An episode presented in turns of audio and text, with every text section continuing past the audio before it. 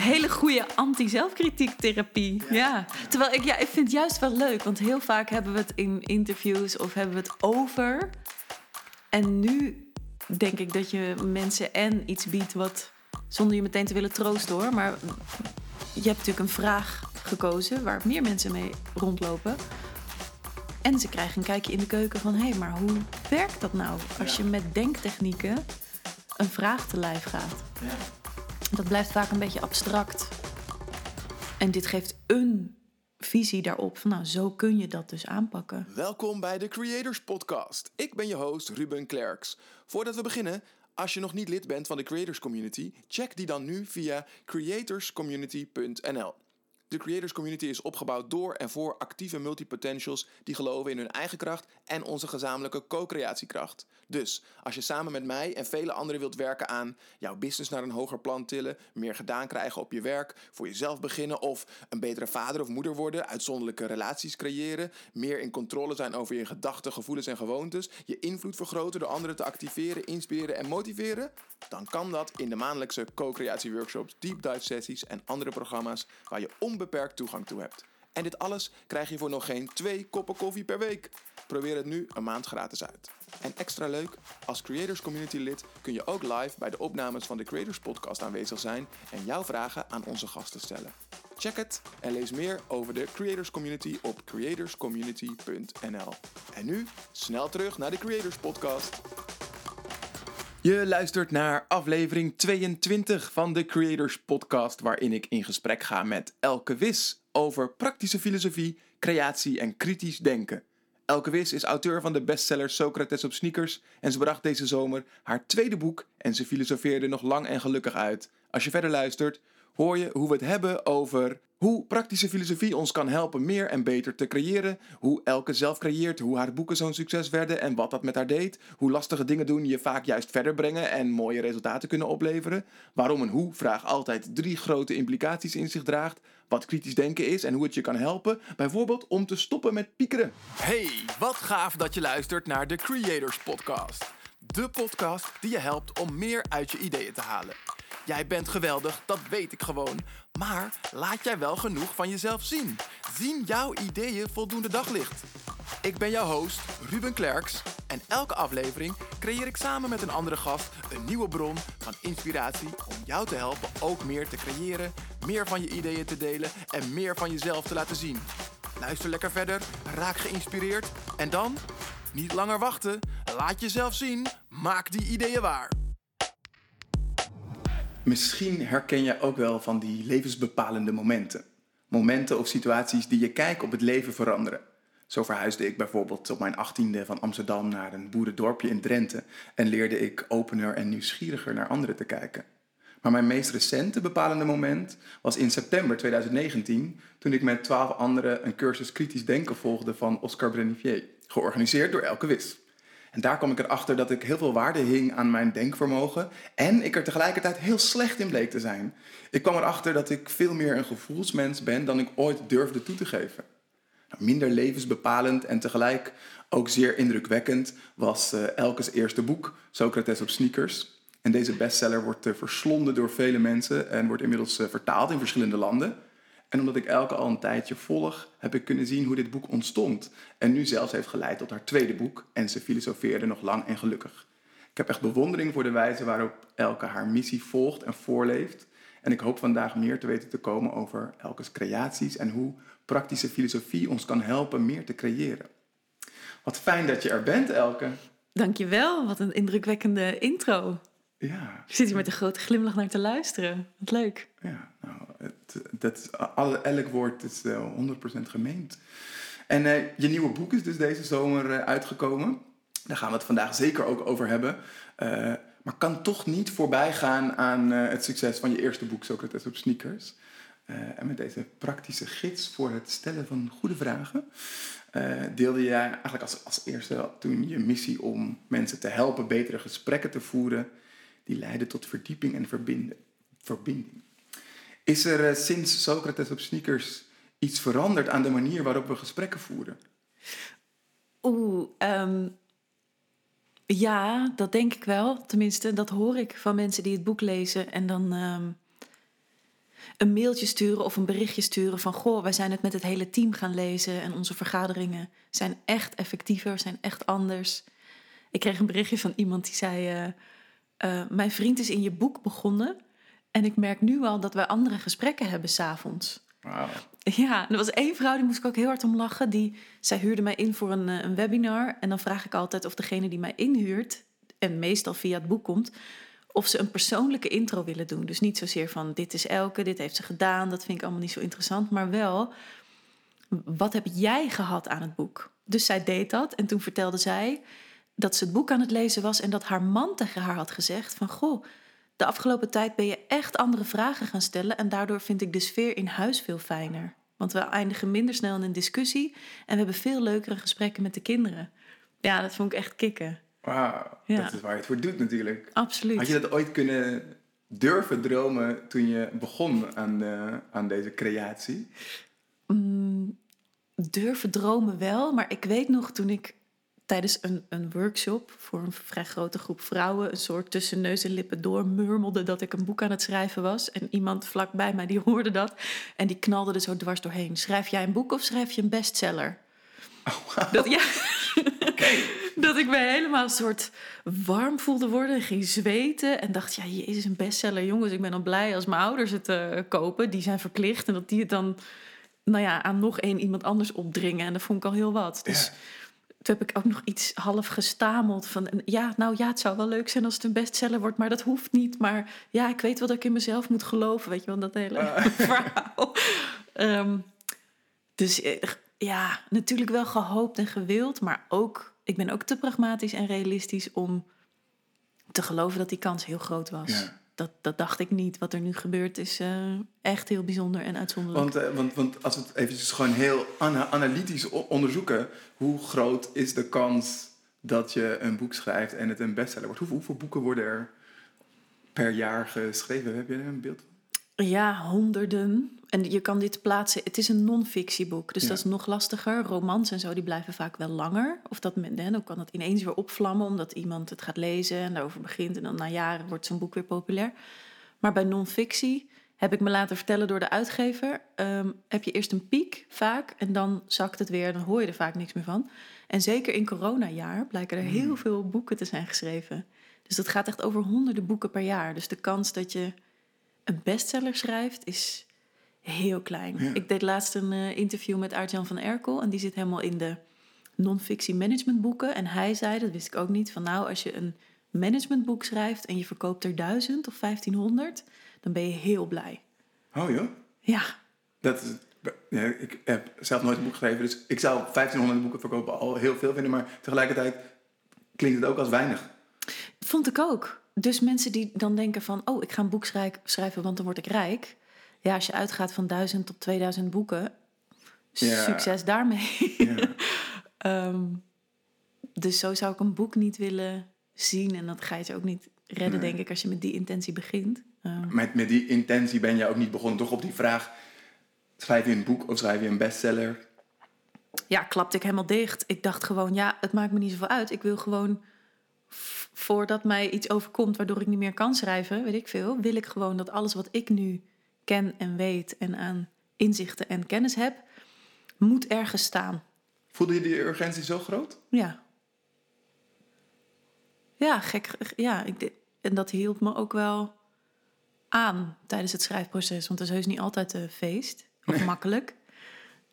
Mm, maar ik voelde wel heel sterk dat ik dacht... ja, eh, ik heb het nu allemaal in mijn hoofd zitten. Dat is niet handig voor mensen die er ook iets van willen leren. Dus ehm, ik moet zorgen dat het op de een of andere manier op papier komt... of in een e-book. Heb ook nog bedacht. Van, nou, als geen enkele uitgever het wil hebben, maak ik gewoon een e-book. Zet ik dat voor 5 euro op de website. Ook prima, als het er maar is. Ja, ja. Wat goed. Ja, en, dan, en dan heb je dus die creatie de wereld ingebracht. En eh, dan gaat het lopen. Wanneer, wanneer was, het, was, was het eerste moment dat je dacht van... Oh crap, we hebben iets te pakken. Of eigenlijk de andere mensen hebben het ook te pakken. Jij had het al te pakken. Maar, Ja. ja, heel snel al. Ik weet nog dat we in de eerste drie weken al 10.000 stuks verkochten. zo. Dus meteen, de, ja, vrij snel na de lancering had ook met de media te maken. Er kwam een artikel in NRC, toen volgde, weet ik het, Parool, Volkskrant, Trouw. Dus er kwam een soort ja, ambassadeurs ook in de vorm van krantenartikelen, podcasts. En dat helpt natuurlijk enorm. Ehm, maar ik was ook wel echt onwijs bleu hoor. Ik dacht. Wat voor zin? Nou, weet ik, wist ik veel hoe zo'n boek maken ging. Ik dacht, oké, ik produceer dat boek. Er zit een leuke kaft om en huppetee en we zien het wel. En toen kwam er vanuit de uitgever... Goh, wil je bij in het NRC uh, eh, lunch interview? Ik had nog nooit van het NRC lunch interview... of van Rinske Koelewijn, een supergoeie journalist, gehoord. Is maar goed ook, denk ik. Ik dacht, oh ja, leuk, doen we. Bleek dat het NRC lunch interview is een twee pagina vullend krantenartikel. Het is echt enorm, met een hele grote foto. Waar ik weet niet hoeveel mensen uh, abonnee op zijn. Of het kopen of het lezen. En vervolgens was het, wil je naar Radio, uh, radio 1 was dat geloof ik. Uh, dacht ik ook, ja leuk, nieuwsuur. En achteraf vroeg ik aan de presentatrice, hoeveel mensen luisteren er eigenlijk? Toen zei ze, nou 200.000 of zo. um, dus het is maar goed dat ik dan die aantallen en zo dan achteraf allemaal weet. Ik had geen idee. Nee. Heeft, heeft het je, denk je, geholpen dat je er zo bleu in was? Ja, en dat, dat doe ik nog steeds. Ik vind het nog steeds wel fijn. Ehm, zonder dat ik nou aan allemaal name dropping wil doen, dat vind ik een beetje irritant. Maar ik was bijvoorbeeld laatst bij Giel Belen en ook daar vroeg ik achteraf hoeveel mensen luisteren er eigenlijk naar je podcast. En toen zei hij ook, ja, 100.000, 200.000 per week, zoiets. Toen dacht ik ook, ja, god, gelukkig maar dat ik dat niet wist. Want stel je voor dat je, dat je tijdens zo'n gesprek voelt dat er 200.000 mensen kijken ja, tof dat je bij Giel bent geweest. Want ja, uh, Giel uh, was ook uh, een paar afleveringen terug in de Creators Podcast. Ja, dankzij jou. Jij hebt mij getipt, Ja, hij zei, wie moet, ik, wie moet ik hebben? Ik zei, nou, ik weet iemand die deed een heel goed lunchinterview. en ik denk dat die ook wel deze aantallen aan kan. Oh, tof. Hoe was het? Ja, ja te gek. Nou, heel, heel bijzonder. We hebben, hij, hij, zijn podcast gaat natuurlijk ook erg over spiritualiteit. En hij vroeg ook heel erg door over mijn spiritualiteit. En... Ja ja, ik heb denk ik, dat zei ik achteraf ook. Ik zei, volgens mij heb ik hier dingen verteld die ik nog niemand in een podcast ooit verteld heb. Dus dat vind ik wel heel grappig dat er een heel andere kant werd aangeboord daar. En dat, ja, over je niet bewust zijn van aantallen, dat, dat kleeft denk ik ook wel een beetje aan mij. En dat probeer ik ook wel te koesteren. Ik weet nog dat ik auditie deed op de toneelschool. Ook echt totaal bleu. Ook denkend, weet je, iedereen wordt afgewezen het eerste jaar. Ik probeer het gewoon dat gaat uiteraard mislukken. En dan ga ik wel een jaar uh, psychologie studeren of zo. En dan probeer ik het nog eens. En in de tweede ronde deden we een auditiestuk met Peter Blok. Hm. Moesten we iets uit, uh, ik geloof, Antigone spelen. Peter Blok, aardige man, vond ik. Uh, heeft in Cloaca gespeeld, onder andere. Uh, ik wist van zijn hele bestaan niet af. En achteraf zei een van de vierdejaars die daar ook bij zat, die zei, ze was Vlaams, ze zei, Amaya, Peter Blok, dat is een grote. Zeg ik, oh ja, oh ja. Ja, ga Cloaca maar eens kijken, zei ze. Dus een week na die auditie ging ik Cloaca kijken. En toen werd ik weer zo warm en kloppend hart en zweten. Dat ik dacht, oh, en ik ging hem eens googelen. Wie is dat dan? Toen dacht ik, oh my god, ik heb audities staan doen voor die man. Heel goed dat ik niet wist wie dat was.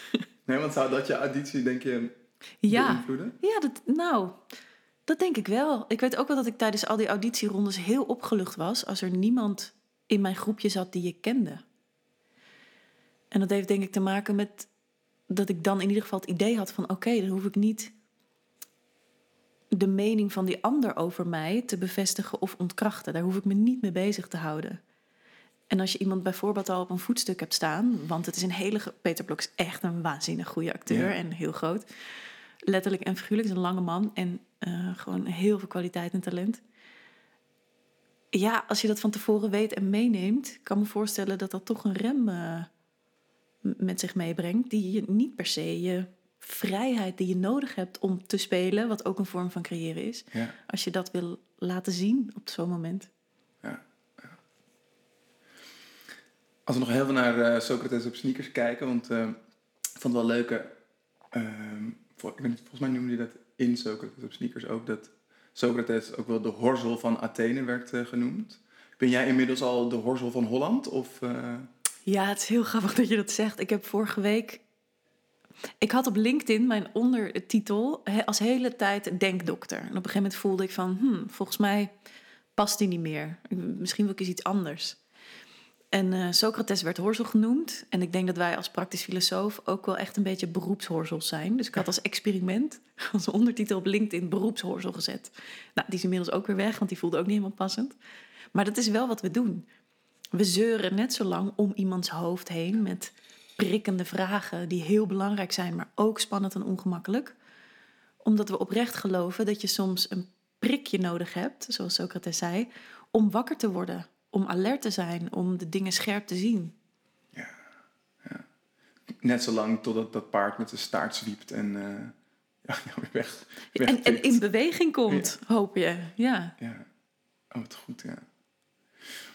Um, dat stellen van die vraag die je, die, die je eigenlijk echt wil weten. Dat, dat, dat is wat ik er in ieder geval heb overgehaald of uit heb gehaald uit um, Socrates op sneakers. Die nieuwsgierigheid volgen en, en ook wel echt die vraag stellen die, die, die, die je echt wil weten. Dat vond ik tegelijkertijd ook ontzettend moeilijk. Zeker ook, ik merk natuurlijk als ik een podcast maak, dan, dan toch ook vaak nog achteraf dacht van, ah, ik wou eigenlijk nog iets vragen, maar ik, maar ik deed het niet. Weet je waarom je dat dan niet doet? Um, ja, nou, dus aan, aan, aan de hand van je boek ben ik dat gaan, gaan onderzoeken. Uh, en ik denk dat het toch kwam, en ik zeg toch omdat, omdat ik altijd mezelf heel dapper noem, maar dat het toch een soort van angst was om een confrontatie te krijgen of um, stel, niet stel, je zit tegenover me. Maar als, als jij aan het eind van het interview rekenen, nou, ik vond dit geen prettig gesprek, uh, dan, uh, dan heb ik voor mijn gevoel gefaald. Dus ik, ik, ik heb nog steeds een beetje, denk ik, een, uh, een beeld wat ook anders kan zijn. Dat een goed gesprek moet lieve, lieve vrede zijn. Ja, dus jouw beeld van een goed gesprek is, een gesprek moet vooral prettig zijn. Ja, ja. Ja, ja, interessant. Ik zou bijna zeggen, als je gesprek te prettig is, doe je iets niet goed. Precies, hè? Ja. Nou, dus uh, dat, dat heb ik in ieder geval eruit gehaald. Om dat vaker ook uh, op te zoeken. En misschien wel een beetje die schurende randjes ook wel uh, af en toe. Mm. In ieder geval eerst bij die randjes te beginnen. En dan, ja, en, en schuren en een beetje werken en je denken oprekken... kan net als sporten hartstikke prettig zijn. Alleen op de een of andere manier denken we vaak a priori vooraf van niet. Ja. En dat is wel zonde. Ja, en wat misschien daar nog in zou kunnen helpen, is hè, als, je, als je het vergelijkt met sporten maakt, um, dan heel vaak willen we op het moment dat we naar de sportschool moeten, s'avonds laat, uh, wanneer je terugkomt uit je werk, willen we het niet. En laten we het maar even achterwege. Maar al die keren dat je wel gaat, weet je sowieso dat je het daarna heel erg prettig vindt. Dus dan ben je altijd wel blij dat je het wel hebt gedaan. En wat ook helpt, voor mij is om een soort van dat grotere plaatje te zien. Dus weten uh, waar je het voor doet. Dus dat, dat zou ik misschien nog met een, met een podcast ook nog meer in mijn achterhoofd kunnen houden. Van ja, maar waarvoor, waarvoor doe ik het? En, en dan is die pijn misschien die je nu eventjes moet nemen, of die spanning die je door moet, is het dan ook waard. Ja, en het is ook maar de vraag bij wie die spanning zit. Heel veel vragen stellen we niet omdat we denken dat de hmm. ander het uh, spannend vindt. En ik las laatst daar een heel leuk onderzoek over. Waren mensen bevraagd op het ontvangen van vragen en op het stellen van vragen. En wat bleek nou? De vragen die we niet aan anderen durven stellen, zouden we zelf heel makkelijk kunnen handelen. Oh. Dus dat is best wel gek. Dat ik jou een vraag niet stel, omdat ik denk, ja, maar dat vind jij ongemakkelijk. Terwijl als iemand dan zegt, ja, maar zou jij die vraag trekken? zeg ik, ja, natuurlijk. Ja. Dus dat is gek, dat je voor een ander gaat invullen dat hij ongemakkelijk wordt. Je bent toch aan het invullen, inderdaad. Ja. En in uh, juli kwam dus uh, je nieuwe boek uh, En ze filosofeerden nog lang en gelukkig uit. En dit boek is er voor mensen die, en ik quote het boek, nieuwsgierig zijn, zin hebben om zichzelf en hun denken uit te dagen, op te rekken, wakker te schudden, te ontregelen en te ontwikkelen. en dan nu samen ontwikkelen of groeien datgene dat ook centraal staat bij de Creators Company. Ja. Dus laten we eens kijken of we in deze aflevering van deze podcast onszelf en ons denken verder kunnen ontwikkelen. En ik zou eerst eigenlijk een stukje willen voorlezen uit de inleiding van En ze filosofeerde nog lang en gelukkig. Leuk. Uh, wat ik een leuk, mooi stuk vond. Eén vraag nog, zegt Blunder. Hij heeft tot die tijd stilletjes zitten luisteren. Hij viel niet op. Behalve dat hij in het begin zijn teen stootte en er nu spinazie tussen zijn tanden blijkt te zitten. Wie ben jij eigenlijk? Hoe bedoel je precies? vraag ik. Nou, jij heet Elke Wis, je bent theatermaker en praktisch filosoof, zeg je. Je hebt een bedrijf en dat heet De Denksmederij. Je geeft trainingen en workshops in theater, natuurlijk. Maar ook iets van creatief denken, scherpe vragen stellen en kritisch denken. En je schreef al eerder een boek, iets met Socrates op slippers of zo. Of Plato op plateauzolen, Nietzsche op Nikes, Heidegger op hakken, zoiets. Heb je daarin niet alles al verteld? Wie ben jij dat je denkt nog een boek te moeten schrijven? Ik ben even stil. Weet je, dat weet ik eigenlijk ook niet. Ik heb geen zin, of sorry, ik heb geen idee of ik een bepaald papiertje zou moeten hebben, een zekere hoeveelheid ervaring of kennis om een boek te mogen en kunnen schrijven. Laat staan nog een boek. Ik weet alleen dat ik dit boek heel graag wilde maken. Dat ik het heel erg leuk vond om dit boek te maken. Dat ik heb gemerkt dat mensen die ik tegenkom in mijn trainingen of workshops het filosoferen vanuit verhalen ontzettend leuk vinden, inspirerend en verrassend. En het is ook handig om verhalen als basis en vertrekpunt te gebruiken. Filosoferen is niet makkelijk en ook niet altijd per se meteen leuk. Met dit boek wilde ik mensen iets concreets, simpels, vrolijks en toepasbaars in handen geven om er op zijn minst eens mee te beginnen. Dus, uiteindelijk geloof ik met alles wat ik in me heb dat dit nodig en nuttig is, dit boek. Filosoferen is niet makkelijk en ook niet altijd per se meteen leuk. Daar zeg je volgens mij direct iets uh, interessants aan het begin van je boek. Hoe komt het, denk je, dat filosoferen niet makkelijk is? Um, omdat het heel erg je eigen denken blootlegt en van je vraagt dat je dat ontleedt, analyseert, er tegenaan schopt, herziet, in de prullenbak durft te kieperen en er misschien eens nieuw denken voor in de plaats wil verkennen. En dat vinden we met z'n allen heel erg moeilijk. Dat is denk ik één kant. Het gaat heel erg over je eigen denken. En anderzijds is het niet makkelijk omdat we de vaardigheden gewoon missen. Hmm. En eh, als je zegt dat het niet makkelijk is, wat, wat, wat daarin denk je dat we niet makkelijk vinden? Dat, het onderzoeken of onze eigen denken in de prullenbak flikkeren, zoals je het zegt? Um, ik denk dat we het niet makkelijk vinden om onze eigen stokpaardjes en overtuigingen los te laten als betere kennis zich aandient. En dat zie je overal in de maatschappij. Er zijn heel veel discussies aan te wijzen die ontsporen omdat mensen in hun eigen gelijk vastzitten. Ja.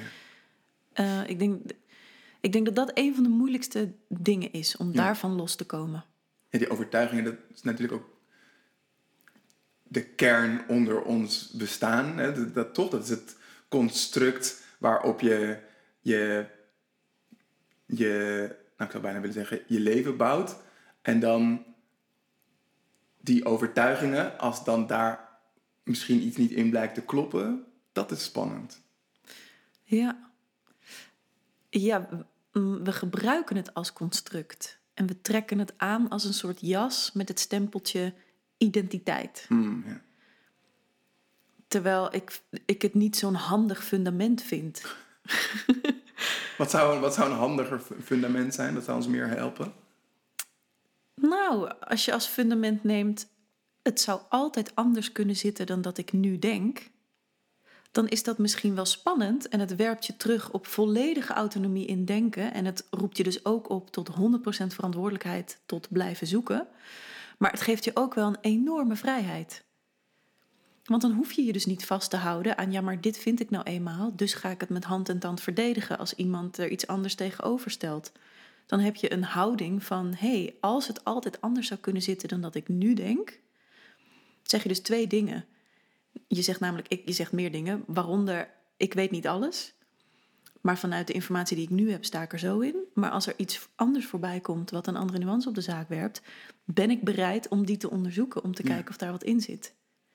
En dat is harder werken en het is minder makkelijk, maar het is wel oneindig veel vrijer en doet meer recht aan de wereld en onze natuur. Ja, ja. Een boom doet dat ook niet. Een boom trekt geen blaadjes aan en zegt poef, identiteit. een boom laat zijn blaadjes vallen en er komen nieuwe voor in de plaats. Ja. ja, en dan hoor ik je nog dat onderscheid maken tussen ik weet niet alles en datgene wat je dacht te weten, dat misschien anders blijkt te zijn. Ja.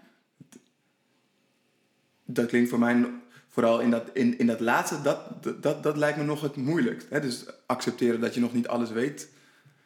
Ja, dat kun je ook nog wel zeggen zonder het zelf te geloven. Ja. Als een soort pleister. Ja, maar ik weet ook niet alles. Maar ondertussen bestempel je dat wat je al wel weet of denkt te Precies. weten als 100% Ja. zekerheid. Ja, dus dat Ja. is het allermoeilijkst om Ja. los te komen van je eigen perspectief.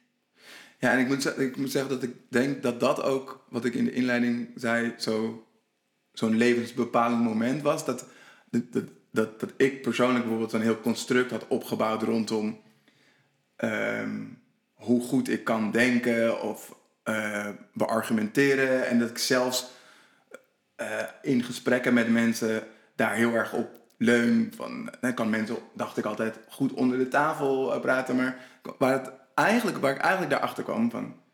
Ik ben niet mensen onder de tafel aan het praten. Ik ben gewoon net zo lang aan het doordrukken... totdat iemand anders opgeeft om nog maar verder te praten. Het heeft eigenlijk geen, geen zin. Dus het ik, ik zag heel erg de tekortkoming van mezelf eh, in die training. En, en, ik, en ik weet nog dat we daar volgens mij op een zondagavond zaten. Dat ik gewoon in een soort van... zeggen- een mini-identiteitscrisis had je een ja, beetje. dat ja. soort van, ik liep gewoon vast. Van, gewoon letterlijk dit, dit geluid. dat ik nu maak, maakt ook- van, ik wil woorden geven, maar ik... En nee. nu dan? Ja. ja. Dus ehm, ik herken heel erg dat, dat dat niet per se een prettig moment is eh, op dat moment. Maar daarna eh, is inderdaad, eh, zoals jij zegt, is, je, is mijn denken wel opgerekt. en, en is er juist weer meer ruimte ontstaan. Ja, en ik, volgens mij hebben we dat ook kunnen zien. En dat proces zien we, dat, zien we natuurlijk heel vaak bij dat soort trainingen. In dit geval van een van mijn docenten, jij, jij was erbij, Oscar. Die ontmantelt eigenlijk je denkstructuur. Ja, En het laat je reflecteren op een manier, die laat je naar jezelf kijken op een manier die, je niet, die we niet kennen. Het is vrij radicaal, vrij clean. En dan, dan kan het niet anders dan dat je van jezelf ziet: hé, hey, waar ik dacht dat ik heel goed kon argumenteren, heel analytisch was, blijkt nu dat ik dat helemaal niet ben, maar juist heel creatief, heel associatief Ja, in ja. mijn denken. Maar zodra die klik bij jou viel en zodra dat kwartje was gevallen, ehm, was er ook een soort rust en een openheid. Van oké, nou, als dit is wat het is, wat is er dan nog meer? ja, En die ruimte, die vind ik oneindig veel fijner dan wat we vaak doen, namelijk ontkennen of terugduwen. Nee, ik ben echt wel een hele goede analyticus. ja, ja. Terwijl objectief, bedoel, je zit daar met 20, 30 mensen die allemaal hun hand opsteken op de vraag: is Ruben eerder associatief of eerder Ja. analytisch? Ja, het, het is zichtbaar. Dus Oscar zegt ook, en ik ben dat wel met hem eens: philosophy is making the visible visible. The visible visible. Ja, wat zichtbaar is voor anderen, is dat heel vaak niet voor onszelf. Ja. En een taak van de praktisch filosoof is om datgene wat voor anderen al lang zichtbaar is. Want we zien namelijk vaak al lang aan iemand of die zenuwachtig is, eh, of die een beetje loopt te bullshitten, of die eerder associatief denkt of analytisch. De buitenwacht ziet dat al lang. Alleen Ja. de taak is eerst om dat ook aan diegene zelf te laten zien. En als je dat echt kan zien en je ermee kan verzoenen, is er dus ook meteen vrijheid voor tof. Wat is er dan nog meer? Ja. Maar heel vaak blijven we zo in die kokervisie van nee, maar ik heb dit beeld van mijzelf en daar haal ik mijn identiteit en eigenwaarde uit. Dus als daar gemorreld wordt, ja, dat is natuurlijk super Ja. spannend. Ja, ik ben ook wel benieuwd als je dit zo zegt, hoe jij daar in het dagelijks leven mee omgaat. Kijk, als er mensen zoals ik zo gek zijn om naar zo'n training te komen, dan dat zijn de mensen die zijn daar vrijwillig ingestapt. Misschien soms ook nog niet altijd even wetend wat hun te wachten staat. Maar die zijn in ieder geval daar naartoe gekomen. Hoe ga je juist om met die situaties waarin je dit soort dingen ziet eh, in, het, in het dagelijks leven? Ehm, nou, dat vind ik ook nog steeds wel zoeken. Ik, ik kan daar soms te fanatiek opspringen. Dat heb ik wel een beetje afgeleerd. Want dan word je zo'n bij de hand de bedweter. Ehm, dus ik probeer nu ja, een keuze te maken van... geef ik hier een klein hoorzelprikje? En dat kan in een, in een kleine opmerking... Die, die heel licht en open blijft. Tenminste, Mhm. dat probeer ik. Ehm, of ik laat het gaan.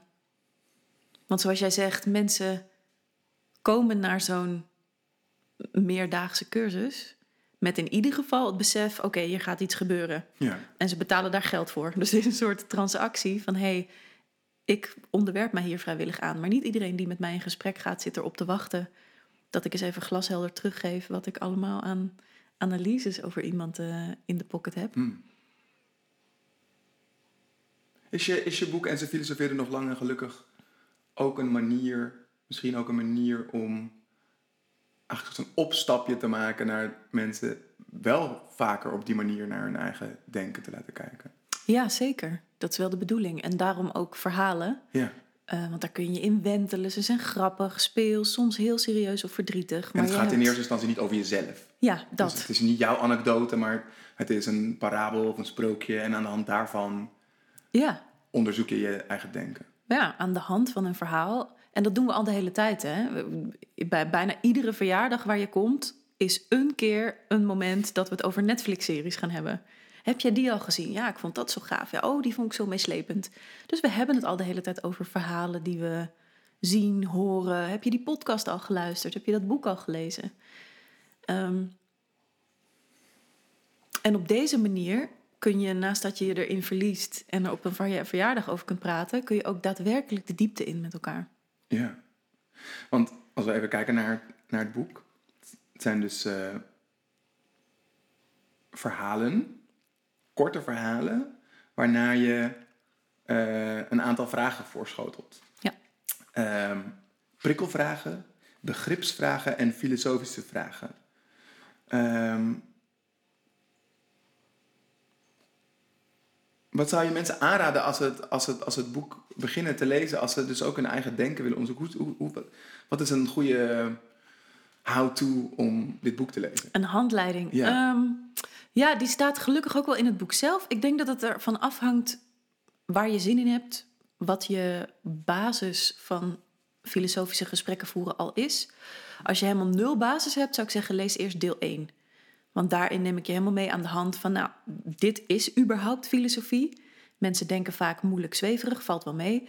Uh, dit is het ook niet. Het is niet debatteren of discussiëren, het is echt iets anders. Hier heb je een stappenplan, hier heb je suggesties, hier heb je nou ja, eigenlijk een hele toolbox, zodat je verdiepende gesprekken kan voeren. En daarna zou ik de verhalen induiken. Maar goed, ik ga ook niemand opwachten in een donker steegje die denkt: hey, laat het eerste deel zitten, ik heb gewoon zin in een verhaal.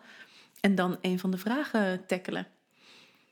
Dus dat kan net zo goed. Dan zou ik zeggen: zoek een verhaal op waarvan je denkt: hé, hey, daar heb ik zin in, daar, dat houdt me bezig. Achterin staan ook thema's. Als je denkt, nou, het houdt me toevallig nu bezig. Um, ik noem maar iets, iemand die overweegt om te verhuizen. Stel de vraag, houd je bezig, ja, wat is eigenlijk thuis? Dat hele concept van thuis zijn. Dan zou ik zeggen, nou, lees het verhaal van de troubadour en de hoefsmid. En heb het dan eens met je partner of met vrienden over hoe weet je dat je thuis bent? Wat is thuis? Ja, ja, ja. Is dat iets in jezelf of heb je er een buiten een, een letterlijke plek voor nodig? En door zo'n verhaal te lezen en vervolgens die vragen met elkaar te bespreken, kom je erachter wat je denkt en hoe je denkt. En je kan een stapje dieper. Namelijk, waar baseer je dat denken dan op? En dan zou mijn tip wel zijn: liever behandel je minder vragen. Kies je één vraag waar je met elkaar een uur op doorgaat, dan dat je zegt: nee, we moeten ze allemaal doen. Dan blijft het te oppervlakkig. Want ja, dat was ook iets wat ik bij mezelf bemerkte. ik ging natuurlijk ook als voorbereiding op de podcast het hele boek doorlezen. Ehm, maar dat ik merkte als ik dan bijvoorbeeld zo'n heel rijtje van prikkelvragen uh, las, dat, ik eigenlijk afhaakte omdat het te veel vragen dan werden. Dus dat is een goede dat je, wat je zegt, om gewoon één of twee te kiezen en daar verder op door te gaan. Ja, en echt het werk te doen. Dus niet één vraagje eruit trekken en een oppervlakkig antwoord van een halve zin hè, in elkaar flanzen en dan weer door. Ja. Maar probeer eens echt zorgvuldig je woorden te kiezen. Schrijf ze eens op, kijk er eens naar. Stel jezelf de volgende dag de vraag: ben ik het hier nog mee eens of ontbreekt er iets? Is het überhaupt helder wat hier staat? Dus letterlijk werk ermee. Ja. En dat kost even tijd, energie en moeite, maar is het het wel waard? Wat ik mooi vind aan iets praktiseren is dat je, dat je het ook doet en probeert. En waarom ik even afgeleid werd, omdat ik vind het in het Engels zo mooi dat je een practitioner kan zijn. Yeah. We hebben in Nederland volgens mij niet, niet echt een goed Nederlands woord voor. Nee, dat ik ben ik met je eens. Dus ik vind het wel mooi dat je het aanhaalt. In het Engels zeggen we bijvoorbeeld over yoga en mindfulness: it's a practice. Ja, precies. Een beoefening. Ja, Dus ik kwam niet verder in het Nederlands dan beoefening. ja, En beoefening betekent dus dat je het moet beoefenen. precies. Waar dus ook al het woord oefenen in zit. En ook, Ja. wat misschien nog impliceert, dat, dat je omarmt dat je het nog niet kan. Of nog En niet dat nooit kan. gaat kunnen. Ja, Ondanks al mijn training, als ik bij Oscar in een groep zit, heeft hij ook nog zes punten. Waarvan hij weer dezelfde punten aanstipt als die ik toch al bij me draag. Dus ja, je, blijf, je bent nooit uitgeleerd. Net als met yoga en mindfulness. Dat vind ik er juist zo mooi aan. ja.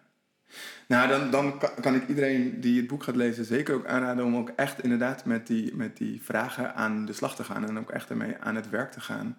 Eh, overigens, dat mijn tip voor, voor elk boek wat je leest. Want kijken wat je eruit haalt, waar je ook echt iets mee kan doen. Want dan kan je in, in mijn ogen dat boek wat je hebt gelezen, die informatie, nog echt incorporeren.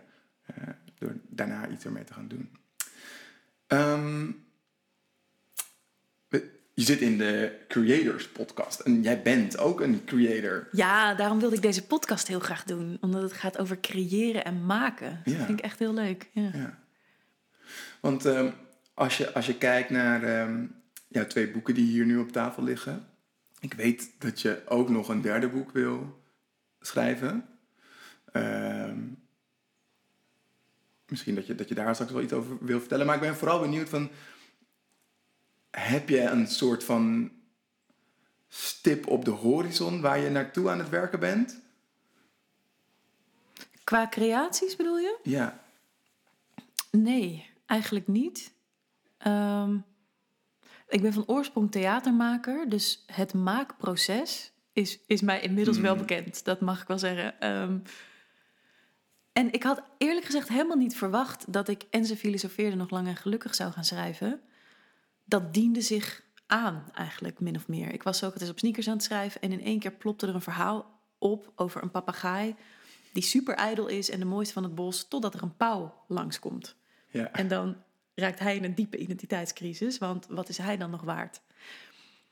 En toen dacht ik, nou oké, dan schrijf ik dat verhaal wel op. En toen volgde er nog een verhaal over een, ehm, een slak en een schildpad. Die wilden ontdekken ja, wie de snelste was. Over eh, winnen. Nou, en zo kwamen er nog steeds er kwamen er meer verhalen tevoorschijn. Of die leefden in mij. Ik weet niet hoe dat werkt. En die ben ik maar gewoon eens op gaan schrijven. Niet per se met de bedoeling dat dat het volgende boek moest worden. Ehm, Maar met welke reden dan wel? dat ze maar bleven zeuren. Die Je kon ze verhalen. niet loslaten. Ja, of ze lieten mij niet los. Ja. Van, doe dit nou. En toen op een gegeven moment had ik drie van die verhalen, of vier.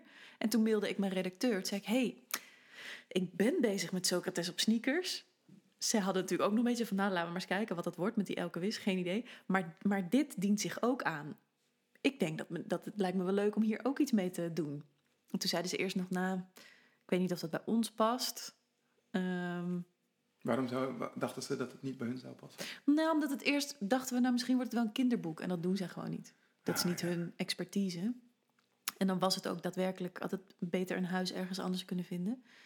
Ehm, Wat leuk dat je dat zegt trouwens, want sorry dat ik onderbreek. Maar ik denk, oh ja. Je kan het boek wel gewoon als kinderboek gebruiken. Zeker. Alle sprookjes zijn zo toegankelijk. En ik kijk er nu al naar uit om de antwoorden van kinderen te horen op die vragen. ja, dat, dat moet magisch zijn. Ik Ja. weet ook dat juffen en meesters en ouders van kinderen, die, die hebben hem ook aangeschaft en gaan er ook mee aan de slag Ja. met kinderen. Dat vind ik onwijs leuk. Ja, dus dat wilde ik expres niet. Want er zijn Ja. al heel veel kinderboeken met verhaaltjes en vragen. Dus dat concept is niet nieuw, maar het is er niet echt voor volwassenen. Voor zover ik weet. En ik weet niet alles. Ehm, dus ik heb geen stip op de horizon. Ik denk meer per keer wat. mm, ik, wou, ik wou gaan zeggen, wat wil ik maken of wat wil ik scheppen? Maar soms is er dus blijkbaar ook iets wat geschapen wil worden. Hmm. En daar ben ik dan het voertuig van, lijkt het. En de ene keer wil ik, ze- Socrates op sneakers wilde ik zelf creëren. Zo van hier, volgens mij kunnen we het beter doen op deze aarde. Dit zou mijn manier zijn, alsjeblieft. En die verhalen wilden misschien wel geschapen worden. En die heb ik in een boek gegoten. Ja. Zo zou je het misschien kunnen zien. Ehm, dus ik, ik probeer te voelen waar de energie van nature naartoe gaat. En mezelf de vraag te stellen, wat wil er nu gemaakt worden? Mm. Of wat wil ik nu maken? En dat zou een boek kunnen zijn, maar zou ook zomaar weer een theatervoorstelling kunnen zijn. Of een liedje. Of een, nou ja, creëren kan op heel veel manieren, denk ik. Mm. Dus ik denk, ik denk ook dat het een valkuil is. Als je een stip op de horizon zet, dat dat je vast kan zetten. Ja. In wat voor zin zou dat een valkuil kunnen zijn? Nou, ik voel het nu al een beetje bijvoorbeeld. Dat het derde boek zou gaan wat ik bedacht had met mijn hoofd. Van dat, er moet, en dat vind ik ook echt hoor. Er moet nog een goed boek komen over kritisch denken. Ja. Eh, helder argumenteren, helder denken, denkfouten. Eh, eigenlijk al die tools en technieken die jij en ik bij Oscar Brennivier hebben geleerd. En dat, die dan heel praktisch vertalen. Maar nu op dit moment als ik in mijn lijf voel van zit daar energie? Nee, nog niet. Dus als ik, als ik dat nu zeg van ja, maar dit wordt de stip op de horizon, dit moet binnen een half jaar af. Man, ik word er moe als ik eraan denk. Ehm, dus ik, ik denk dat die energie wel weer komt. Ja. Maar ik denk ook dat het goed is om mee te rijden op de golf die er al is. Ja. En niet zozeer door te benen op wat jij nu eenmaal bedacht hebt. Terwijl, en terwijl ik het zeg, denk ik ja, ho ho, maar creëren en zeker schrijven gaat ook gewoon over keiharde discipline. Dus ja, hoe, was, wil ik hoe, niet, was, hoe eh, was dat dan om dat zo te combineren? Dat je, dat je ook die keiharde discipline moest hebben. Ja, ik ken dat gelukkig wel ehm, als, als theatermaker. Dan is er ook gewoon een deadline en er is een première, dus het moet af. Ehm, en dat, dat wisselt dus heel erg. Dus op een gegeven moment leer je jezelf ook bij vlagen van inspiratie. Ga zitten, doe er iets mee. En als er geen inspiratie is, dan doe je het op discipline. Dan ga je Ja. zitten en dan ga je typen. En misschien komt er één regel uit vandaag die supergoed is. En misschien schrijf je drie bladzijden vol. En misschien schrijf je drie bladzijden vol waar één regel van overblijft. Maakt niet uit. Maar ga zitten en doe het. Als je alleen maar wil creëren op inspiratie. Ja, dat, daar red je het niet alleen op, denk ik. Nee. Daar, daarom liggen er, ik weet niet hoeveel onafgemaakte manuscripten in eh bureaulades. Ja, ja ik denk eh, dat ik eh één van eh, die mensen ben die zich daar heel erg schuldig aan maakt. Ja, heb jij Ja. een half af boek ergens verstopt? Eén? Ik heb er... Honderd.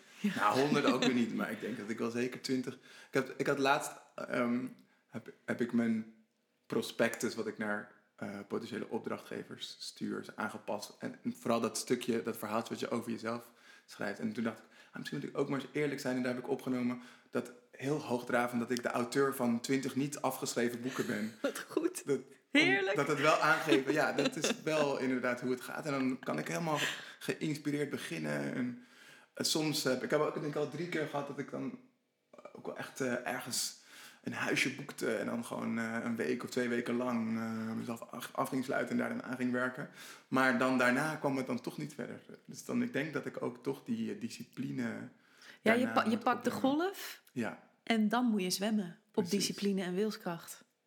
En Dat dat, is voor heel veel mensen natuurlijk heel... eh, Ja, peddelen, pittig. dat is het eigenlijk. Ik heb een keer een surfles gehad en eh, dat was ook inderdaad die golf pakken. Maar daarna had ik nooit gedacht, die surfers zien er altijd super relaxed uit. Knijter hard werken Ja, want dat, dat peddelen wat je daarna moet doen om precies op die golf te blijven of de st- uitstroom te pakken. Zwaar. Oké, dat, dat moet ik gaan doen. Ik moet gaan peddelen. Ja, eh, ja, dat denk ik wel. En mijn ervaring is dat door te peddelen, of nou ja, door te zitten met je kadaver en te schrijven, creëer je ook inspiratie. Dus het is echt een wisselwerking. Ja. ja. Welke, welke dingen kwamen er naar boven tijdens het schrijven van En ze filosofeerde nog lang en gelukkig die eh, niet binnen dit boek pasten? Oh, heel veel. Ik denk dat er zo. Ik, ik zie nu beeldend, zeg maar, dat tabblaadje voor me op de computer. Met, nou ja, hij heet geloof ik anders, maar verhalen die het boek niet hebben gehaald. Nou, dat zijn er misschien wel acht. En die, ja, dat ze het boek niet hebben gehaald, wil niet zeggen dat ze niet op een andere vorm in Ja. de wereld komen ooit. Dus achter in het boek heb ik ook gezet van ja, er zijn verhalen die het boek niet hebben gehaald. Waarschijnlijk klopt er binnen nu en een maand wel een nieuw verhaal aan. Daar richt ik gewoon een plekje voor in op het internet en dan kun je ze daar vinden. Ehm, dus er is bijvoorbeeld, heb ik nog op LinkedIn eh, hulp bij gevraagd. Ik wilde iets met beroepen die er niet zijn, Ja. maar waarvan het wel heel goed zou zijn als ze er waren. Zoals een eenzaamheidverdrijver of een piramidespelbreker. Of een, nou ja, mensen konden meedenken. En ik dacht, ja, dat wordt een vet cool verhaal. En dan eh, heb ik al die beroepen en dan maak ik daar iets van. Uiteindelijk had ik een hele lijst met waanzinnig mooie, grappige beroepen. Bullshit detector bijvoorbeeld. eh, die mensen hadden verzonnen. En waarvan toen we het boek gingen redigeren en doorbladeren, dat mijn redacteur zei: Ja, het is nu een opsomming. Past niet in de stijl van het boek en Hmm. het doet me niks. Ja. En ook een van de proeflezers, ja, jij bent ook proeflezer geweest, een van de proeflezers sch- schreef dat ook: van ja, dat ene stuk met die beroepen is gewoon een lijst. Daar moet je eigenlijk nog iets mee. Dacht ik, ja, oké, daar ga ik iets mee doen. Dus ik ging zitten bij mijn computer voor, met die, met die, met die supermooie beroepenlijst. En ik kwam er niet uit. Nee. Ik dacht, ja, misschien moet ik dan een verhaal bedenken over een man die de krant openslaat en die vindt dan vacatures, maar dat werkte ook niet. Zwa. Nu heb ik een hele mooie lijst met beroepen die niet in het boek staan. Die niet in het boek staan. Ja, en want het viel me op inderdaad dat, dat specifiek dat verhaal aan het eind wordt genoemd als van dat hij het niet heeft gehaald. Wat is de reden dat, dat je dat nog specifiek benoemt? Dat dit verhaal het niet haalde? Ja, ik voelde me toch een soort mm, verbonden met al die mensen, want er waren er echt veel, met Ah. al die mensen die op LinkedIn helemaal blij en enthousiast eh mee gingen denken. Dat ik dacht, ja, dat lijkt me best wel lullig. Heb je meegedacht aan zo'n verhaal? Komt hij niet in het boek? Dus ik wilde dat in ieder geval uitleggen en ik ga hem dus nog ergens delen of kijken of er toch ergens iets ontstaat. En aan de andere kant denk ik, ja, maar zo werkt creëren. Hm, ja. En sommige mensen schreven dat ook hoor. Van, eh, en dat vond ik ook heel mooi. Van nou, al wordt het niks met dat hele verhaal. Ik heb een leuk uurtje gehad. Want je hebt mijn denken gestuurd naar een kant die ik zelf nooit op was gegaan. Ehm, dus dat vond ik ook heel tof om te zien. Maar ik dacht wel, nou ja, ik, als je het boek koopt omdat je hebt meegedacht en je dacht, oh, nu staat mijn idee in het boekje. Dan, eh, nou, ik vond het wel netjes en leuk om daar even iets over te zeggen. En er was er één die ging via de private message helemaal los. Die, die bleef de hele dag en de dag daarna losgaan met echt de meest fantastische beroepen. Die zat helemaal op die golf en die bleef maar voor de Die bleef maar rijden op die golf. Dus Dion heet hij, dankjewel. Ehm eh, en die had inderdaad het boek besteld. Zo, hij is onderweg hoor. Dus die heb ik ook nog even gezegd... ja, het verhaal heeft het niet gehaald. Sorry, vond hij helemaal niet erg. Hij heeft het onwijs naar zijn zin gehad. Ehm, maar ik was helemaal onder de indruk van hoeveel mensen er mee wilden denken. Dat was al ontzettend leuk. Ja, wat goed, wat goed. Ja, en zo werkt schrijven gewoon. In de laatste ronde heb ik... eh, Socrates zat er bijvoorbeeld in.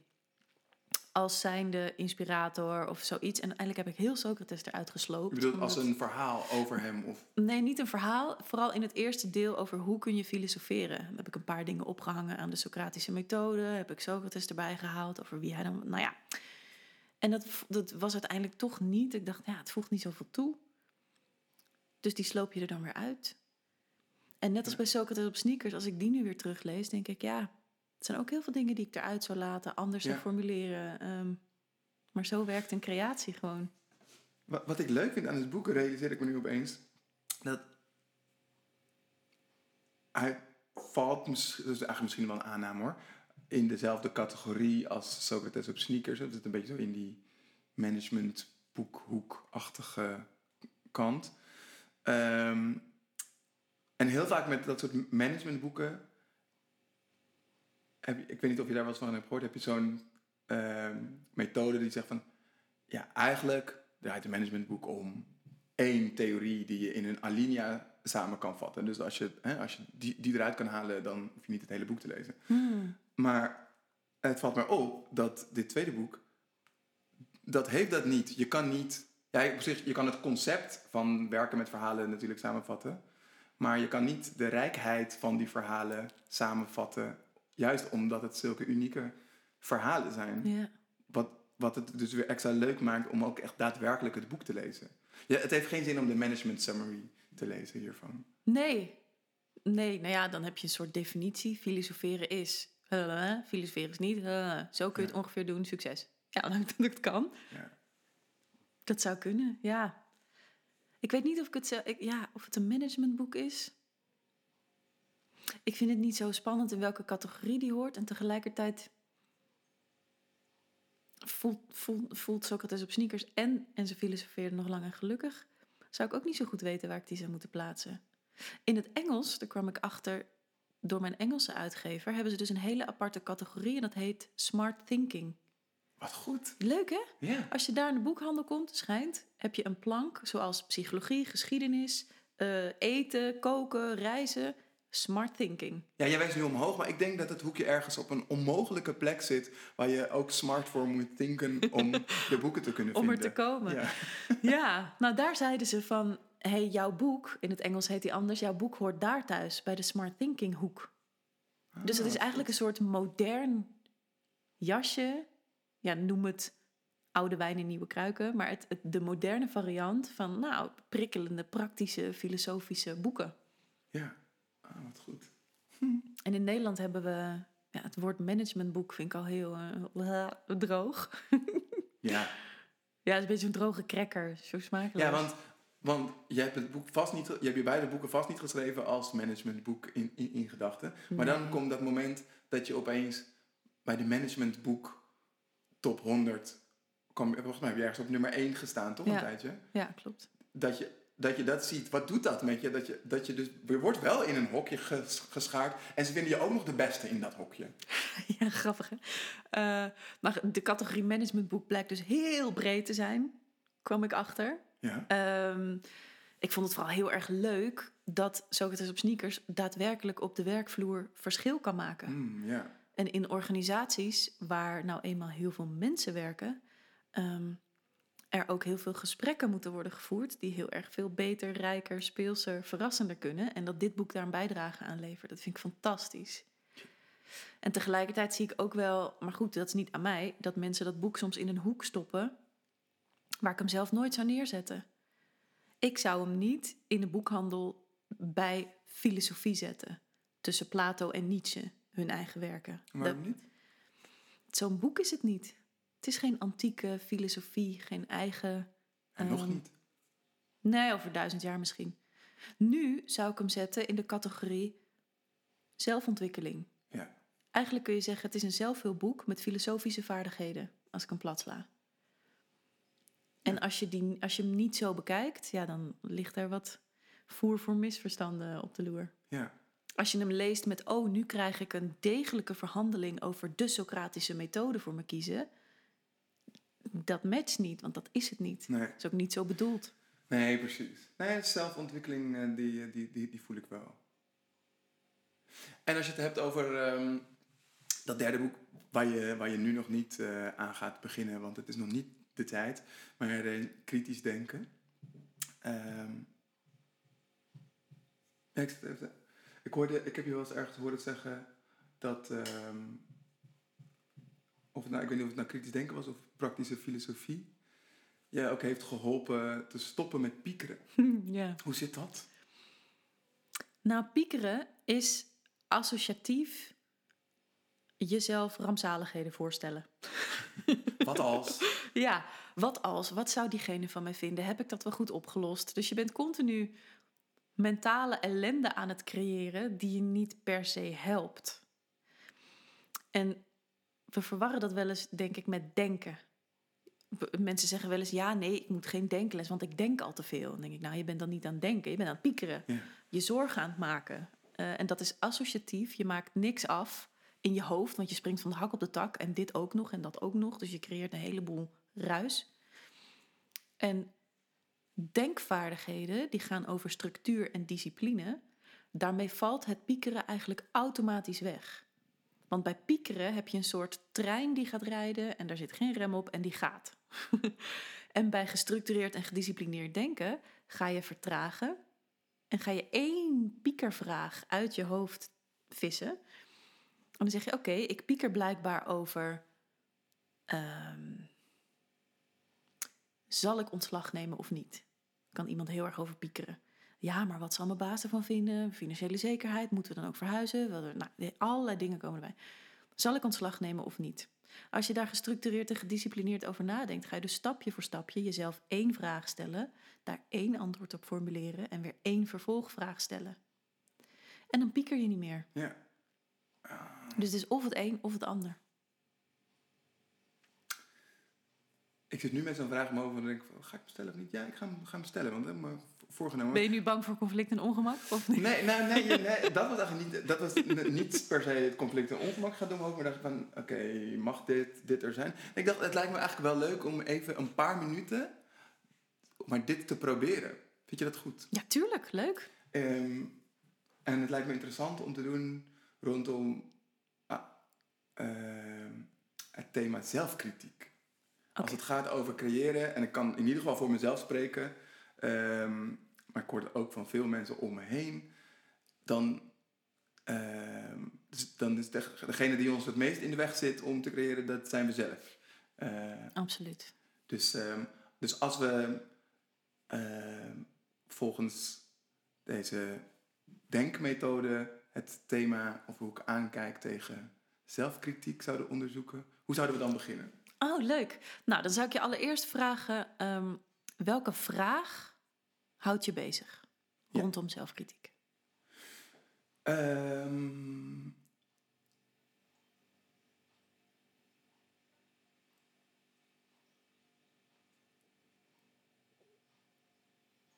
ik, er, er komen twee op En je mag er maar één. en er mag er maar één. Dus dat is meteen al structuur en discipline. Ja. Je mag er maar één.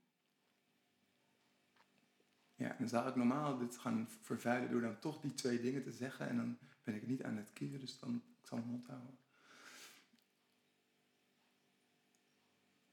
Nou, ja, nou, ik- het zegt meteen wel iets. Dus qua denkstructuur leg je hier gelijk al iets bloot. Ja, Namelijk, ik wil niet kiezen of ik durf het niet. ja, En ik wil het allebei. Want Ja. je hebt weerstand. Eigenlijk zeg je, nou, normaal zou ik toch die twee dingen willen hebben. Die twee vragen willen zeggen. ja dan, dan, ik, zou ze, ik zou ze allebei op tafel leggen om mezelf een soort van tijd te gunnen om dan te kiezen. Want ik weet dat ik uiteindelijk wel ga, ga, ga kiezen. Mhm. Ehm,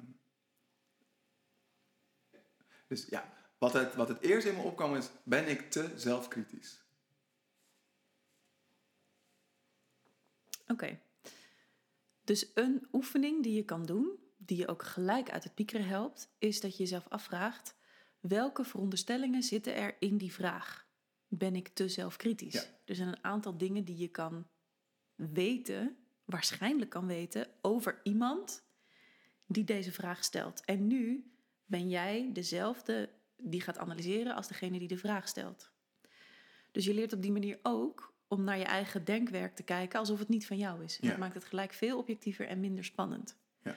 Dus stel iemand vraagt: ben ik te zelfkritisch? Wat weet je dan van diegene?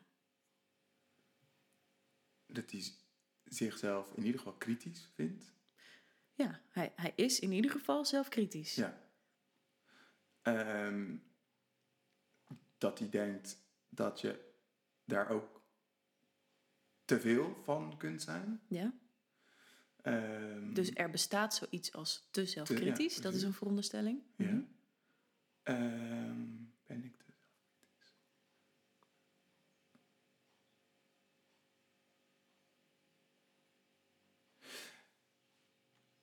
Ik weet niet of ik het goed zeg, maar ik denk dat er ook in zit eh, dat dat iets niet goeds is. Ja, zelfkritisch zijn is slecht. Ja, Die zit er ook in. ja.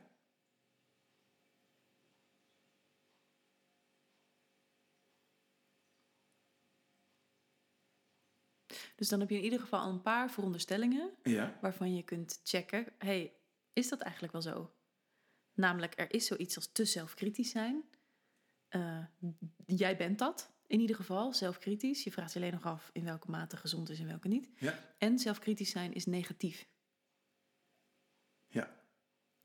Dus als ik dat hoor als praktisch filosoof, probeer ik dat zelf te doen. Van hé, hey, wat weet ik nou over diegene? En dan één ding eruit te pakken om daar eens achter te kijken. Dus in dit geval zou ik aan jou vragen: ehm, is zelfkritisch zijn slecht? Ehm, nee, dat vind ik niet. Oké, Omdat wat is je probleem dan? ehm, En het is gek wat je zegt. Waarom? Want omdat iemand die zichzelf de vraag stelt: ben ik te zelfkritisch? vindt zelfkritisch iets negatiefs. Terwijl op de vraag: is zelfkritisch zijn negatief? zeg je nee. Dus daar spreek je jezelf al tegen. Ja. Dus op het moment dat je nu zegt: nee, zelfkritisch zijn is supergoed, valt je vraag weg. Want kun je iets wat supergoed is te veel doen? Juist, Ja. dat is gewoon logica. Ja. Als je zegt: ben ik te gezond? En je vraagt: is gezond zijn iets slechts? Nee, gezond zijn is supergoed. ja. Dan zou je jezelf nooit afvragen of je te gezond bent. Nee, inderdaad. Dus is zelfkritisch zijn slecht?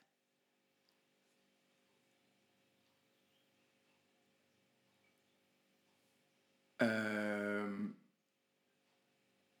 nu weet ik niet meer wat ik moet antwoorden. Nee, ja, ja, dat- nee ik denk dat het, dat het niet slecht is. Maar het heeft zeker wel eh, randen, kanten die niet, die niet fijn werken. Welke kant van zelfkritisch zijn werkt niet fijn? Ehm,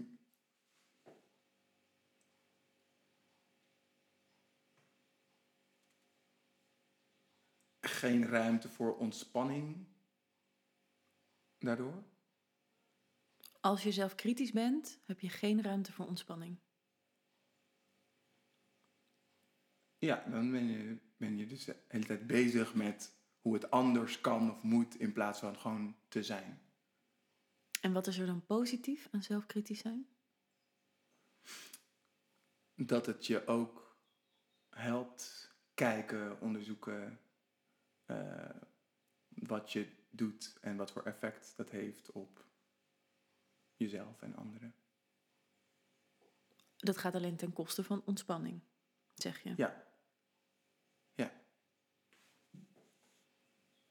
Zijn er nog meer dingen slecht aan zelfkritisch zijn?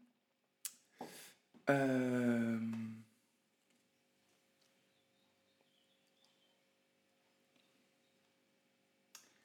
ik weet niet of het nou deze kant op werkt, maar ik heb ook soms wel het idee dat doordat je zelf kritisch bent, dat je ook kritischer naar anderen bent. Dat vind ik niet iets goeds.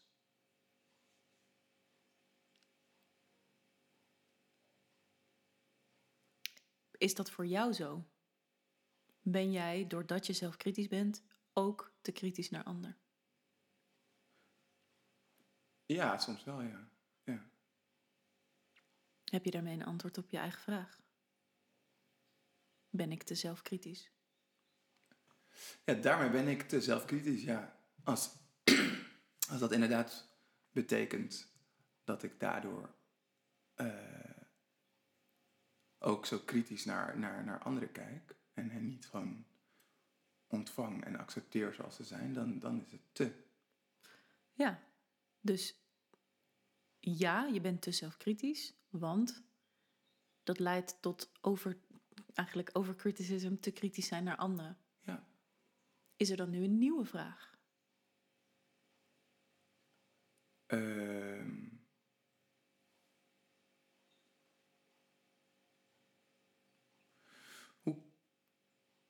kan je kritiek in, in je voordeel inzetten? Ja, ik, ik twijfel even als voordeel voor jezelf en anderen inzetten. Dus, wat is je vraag in zijn geheel? Hoe, hoe kun je een kritische kijk juist als voordeel inzetten? Of als iets positiefs inzetten? Hoe kun je een kritische kijk als iets positiefs inzetten? Ja, Kritische kijk op wat? op ons handelen. Oké, dus hier, je wil eigenlijk zorgvuldig zijn en checken, is mijn vraag volledig? Is die helder? Does it make sense? Dus hoe kun je een kritische kijk, dat verwijst nog nergens naar. Kritische kijk op wat? Ja, Kritische kijk op de wereld, op de media, op, dat is breed.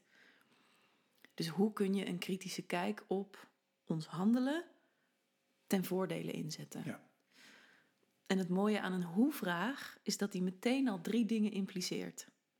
Eigenlijk mensen die bij ons op consult komen of een denkgesprek willen voeren, die beginnen met een hoe-vraag. Die beschuldig ik een beetje van ehm, de IKEA-kastjes-mentaliteit. Een hoe-vraag, dat betekent namelijk dat je op zoek bent naar een soort stappenplan of een gebruiksaanwijzing. En dat werkt voor een IKEA-kastje heel goed. Namelijk schroefje A bij gaatje A en zo. Maar voor levensvragen is het wat problematischer. Dus een hoe-vraag impliceert één, dat het mogelijk is. Mhm. Wat er achter hoe volgt. Dus in jouw eh hoe-vraag is het mogelijk om een kritische kijk ten goede eh, op je eigen handelen ten positieve Ja. in te zetten. Het impliceert dat het wenselijk is dat we dat doen. Dus het is wenselijk dat we een, een kritische blik op ons eigen handelen ten positieve inzetten. En je impliceert dat jij daarover controle hebt. Ik heb controle over een kritische kijk op handelen, een positieve invloed. En alle drie die dingen je- die kun je nog wel bevragen. Ja. Is het überhaupt mogelijk? Is het ook daadwerkelijk wenselijk? En ben jij degene die erover gaat? En zo heb je eigenlijk alweer drie onderzoekspaden. Waardoor je deze alweer kan herzien of nog meer kan fine-tunen naar waar het je nou echt om gaat. Tof. ik zal hem voor de, voor de luisteraar hier parkeren. Eh, dus kan ik er op een, in een latere aflevering nog op terugkomen wat ik nog uit die andere drie vragen heb gehaald. Ja, leuk. Ja, dus dit is een, een beetje hoe het kan werken. Ja. En nu doen we het in een soort vogelvlucht. Want op jouw eerste, hè, van, van de eerste drie minuten, als ik die straks terugluister, denk ik waarschijnlijk ook: oh ja, we hadden dit nog kunnen onderzoeken. We hadden überhaupt kunnen bevragen wat zelfkritiek is, hoe dat eruit ziet. Ehm, dus dat kan ook allemaal. En dat doen we ook in een denkgesprek van anderhalf uur. Maar dit komt er nu uit. Ja. En ik ben heel benieuwd wat het voor jou oplevert. ja. Als het je al iets oplevert. Dat is ook mijn veronderstelling. Eh, een goede nuance. Eh, nee, dit levert me zeker iets op. Ehm, eigenlijk dat stukje wat je zei van dat er, dat er in het type vraag wat je zit al een aantal aannames of veronderstellingen zitten. Dat het, dat is al een kwartje wat opeens viel van ja. Dus het, het type vragen waar ik over pieker, denk ik. Want ik denk dat ik er over pieker en niet over nadenk. Ehm, die komen dus blijkbaar voort uit vooronderstellingen die ik helemaal niet heb onderzocht. Want daarmee zou, zou misschien dat hele, de, de hele he- hete kolen waar je misschien op, op, op loopt of zit, zouden weggevaagd kunnen, kunnen Ja, worden. Dus precies. Dat, dat vind ik interessant, ja. Ehm, waarmee je eigenlijk help je om nog een laag dieper of eronder te gaan. Eh, om überhaupt eerst eens te onderzoeken, is datgene wat daar boven de grond uitsteekt, nou eigenlijk wel echt hetgene waar je je zorgen over moet maken, of waar, waar je je vragen over hebt. Ja, zeker. Dus dank. Alsjeblieft. Ja, Leuk. wat goed. Ja, fijn. En ik ben blij dat ik het, eh, dat ik het toch heb gevraagd. Ehm, Wat hield je tegen dan? Oh ja, ik heb een soort van gêne eh, in, in, in een podcast waarin mensen komen luisteren naar. Ik denk, denk dat ze een bepaalde verwachting hebben en dan wil ik niet soort van ruimte innemen met, met soort van mijn persoonlijke. eh, ja, ik, ik geef er dan al nu het woord therapie aan, wat al. Maar dat. Ja, dus Dus dan ben je te zelfkritisch. ja, ja. de cirkel rond. ja. Ja. Wat, wat, wat ook natuurlijk... Het, het is natuurlijk de meest onmogelijke positie waarin je jezelf kan manoeuvreren... eh, als je vindt dat je te zelfkritisch bent. Dat je een podcast gaat maken die je dan zelf gaat editen. dus ik ga mezelf terug horen. eh, en dan... Een hele goede anti-zelfkritiektherapie. Ja, Ja, ja. Terwijl ik, ja, ik vind het juist wel leuk, want heel vaak hebben we het in interviews of hebben we het over. En nu denk ik dat je mensen en iets biedt wat, zonder je meteen te willen troosten hoor, maar je hebt natuurlijk een vraag gekozen waar meer mensen mee rondlopen. En ze krijgen een kijkje in de keuken van, hé, hey, maar hoe werkt dat nou als Ja. je met denktechnieken een vraag te lijf gaat? Ja, Dat blijft vaak een beetje abstract. En dit geeft een visie daarop van, nou, zo kun je dat dus aanpakken. Ja. En wat jij, wat jij net deed, hoe zou, hoe, hoe zou je dat, dat, dat uitleggen? Is dat kritisch denken? Of zit daar die Socratische methode in? Of? Ja, beide denk ik. Ehm, ik ben opgeleid door Oscar, waar jij ook een cursus hebt gevolgd. En die is echt kritisch denken. Dus eh, eh, nou, analyseren, veronderstellingen benoemen en extraheren, eh, argumenteren. En ik ben opgeleid in de Socratische methode en daar miste ik dat juist.